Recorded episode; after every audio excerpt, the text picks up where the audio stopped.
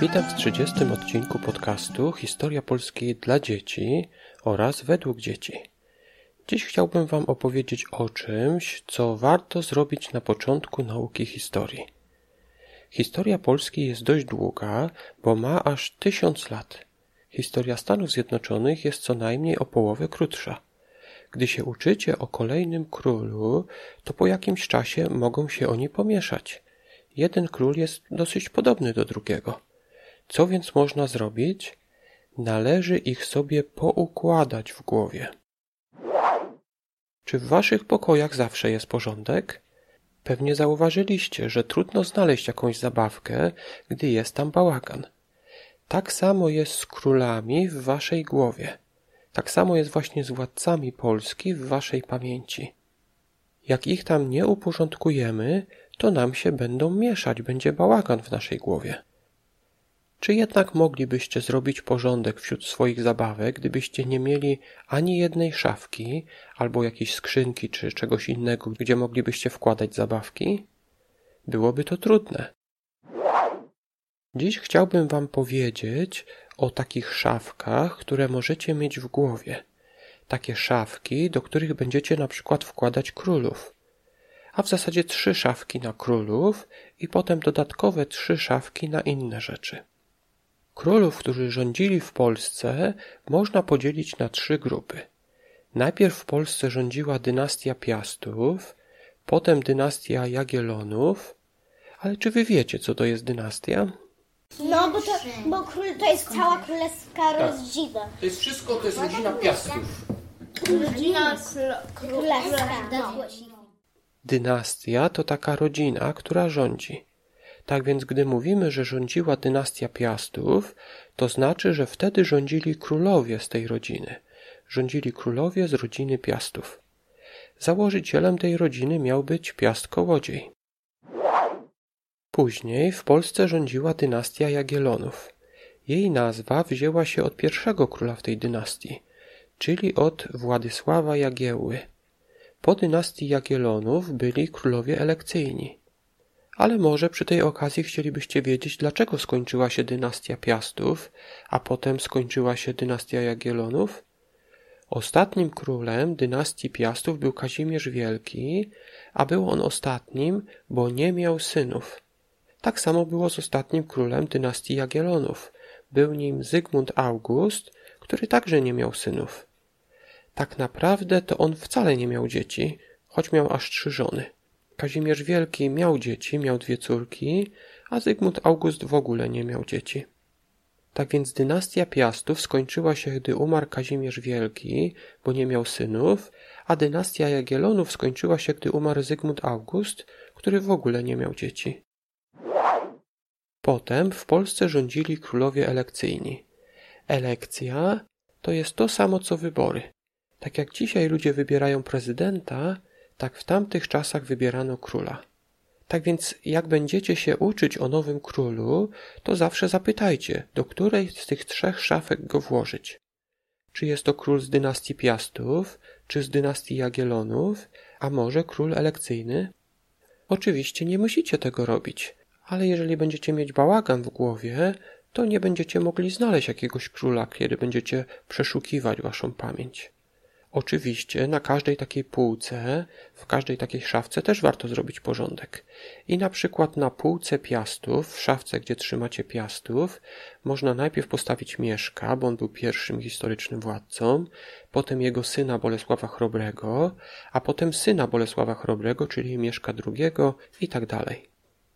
Tak więc warto mieć w głowie takie szafki, w których będziecie układać królów. Oczywiście historia Polski nie kończy się na tych szafkach, na tych trzech. Później trzeba dostawić kolejne trzy szafki, co najmniej kolejne trzy szafki. Po królach elekcyjnych przyszły zabory i Polacy walczyli o wolność przez 123 lata. Tak więc czwarta szafka to zabory, czyli 123 lata, kiedy Polska była podzielona na trzy części. Potem jest piąta szafka, czyli okres międzywojenny, tak się nazywa, bo to było 21 lat pomiędzy pierwszą i drugą wojną światową. A na koniec jest ostatnia, szósta szafka, w której można trzymać wszystko, co się wydarzyło po II wojnie światowej, aż do dzisiaj. Sprawdźmy więc, jak to robić. Mamy więc króla Bolesława Śmiałego. Należał on do dynastii Piastów, a więc wstawimy go do pierwszej szafki.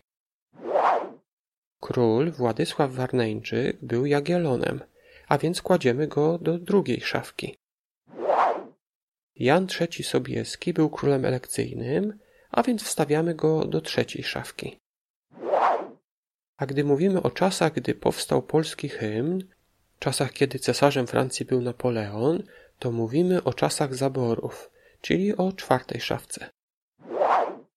Z kolei Józef Piłsudski i Cud nad Wisłą to okres międzywojenny, czyli piąta szafka. A pierwszy Polak poleciał w kosmos po II wojnie światowej, a więc wstawiamy go do ostatniej, czyli szóstej szafki. Ja podzieliłem historię Polski na sześć części, ale wy możecie podzielić ją na więcej części, jeżeli chcecie. Jeżeli chcecie inaczej sobie ułożyć, jeżeli macie w głowie może więcej szafek. Co jest jednak ważne? Ważne jest, aby w głowie mieć porządek, aby poukładać tych królów, bo jeżeli tego nie zrobimy, to nam się ci królowie pomieszają. Może teraz jeszcze kilka słów do rodziców. Dobrze jest, aby dzieci poznały główne podziały historii Polski. Może to być tych sześć części, które tutaj podałem. Jest to taki dobry podział, szczególnie dla małych dzieci. Jeżeli jednak dzieci są starsze, to historię można podzielić jeszcze bardziej. Na przykład historię Piastów można podzielić na okres od Mieszka do Bolesława Krzywoustego, potem na okres rozbicia dzielnicowego, a potem na okres od Władysława Łokietka do Kazimierza Wielkiego. Dodatkowo w okresie przejścia pomiędzy dynastią Piastów i Jagiellonów w Polsce rządzili królowie z dynastii andygaweńskiej, czyli Ludwik Węgierski i Jadwiga. Byli oni jednak z rodziny Piastów i aby nie komplikować dzieciom, można ich po prostu policzyć jako Piastów, nie trzeba ich liczyć jako osobnej dynastii. Widzicie więc, że budując taki szkielet historii, albo szafki, jak tutaj taki przykład podałem, można spędzić dużo czasu. Chodzi o to, aby nie spędzić za dużo czasu budując te szafki, bo to jest po prostu nudne. Jest to ważna część, bo pozwala poukładać królów i wydarzenia, ale z drugiej strony jest to część chyba najbardziej nudna, szczególnie dla dzieci. Warto więc uprościć ją do poziomu dziecka i nie przesadzać z dokładnością. Tyle może nauki na dzisiaj. Miałem w tym tygodniu przyjemność przeprowadzić lekcję historii przez Skype'a. Na tą lekcję zaprosiła mnie mama Wojtka z Poznania, który ma 8 lat. Chciałbym przy tej okazji pozdrowić Wojtka i jego mamę Emilię. Wojtek ma świetną pamięć i bardzo dużo zapamiętał. Jego mama twierdzi, że to zasługa moich podcastów, ale ja myślę, że to także chęć Wojtka oraz duże wsparcie jego rodziców. Ulubionym królem Wojtka jest Władysław Jagiełło. Bardzo fajnie jest poznać e, słuchaczy naszego podcastu. Jeszcze raz pozdrawiam Wojtka i jego rodziców oraz oczywiście wszystkich słuchaczy, zarówno tych najmłodszych, jak i tych starszych. Chciałbym przypomnieć, że możecie nagrać pozdrowienia do naszego podcastu. Jeżeli nie potraficie tego, możemy połączyć się przez internet i ja nagram to na odległość. W ten sposób będziemy mogli się poznać i razem zachęcać do uczenia historii. Podcast można wesprzeć materialnie na Patronite. Pierwszy stopień to tylko 3 zł. Podcast nagrywam za darmo, ale mam pewne koszty. Płacę na przykład za stronę internetową oraz za miejsce na kolejne odcinki na serwerze Spreakera. Najlepszym jednak chyba wsparciem będzie to, gdy opowiecie innym o tym podcaście i być może nawet pomożecie im, bo wiele osób nie wie, co to jest podcast i nie wie, jak, jak się słucha podcastów. Przy tej okazji chciałbym może powiedzieć, że 30 września przypada Międzynarodowy Dzień Podcastów. Podcasty to są właśnie takie audycje, takie jak ta moja. Jest ich bardzo wiele i poruszają wiele różnych tematów. Krótko mówiąc, jest to takie radio, w którym słuchacz wybiera, czego będzie słuchał. Inaczej mówiąc, wy, to właśnie wy, słuchacze, wybieracie, kogo lub czego będziecie słuchać. Jednak wiele osób nie wie, jak się słucha podcastów, nie wie, co to jest podcast.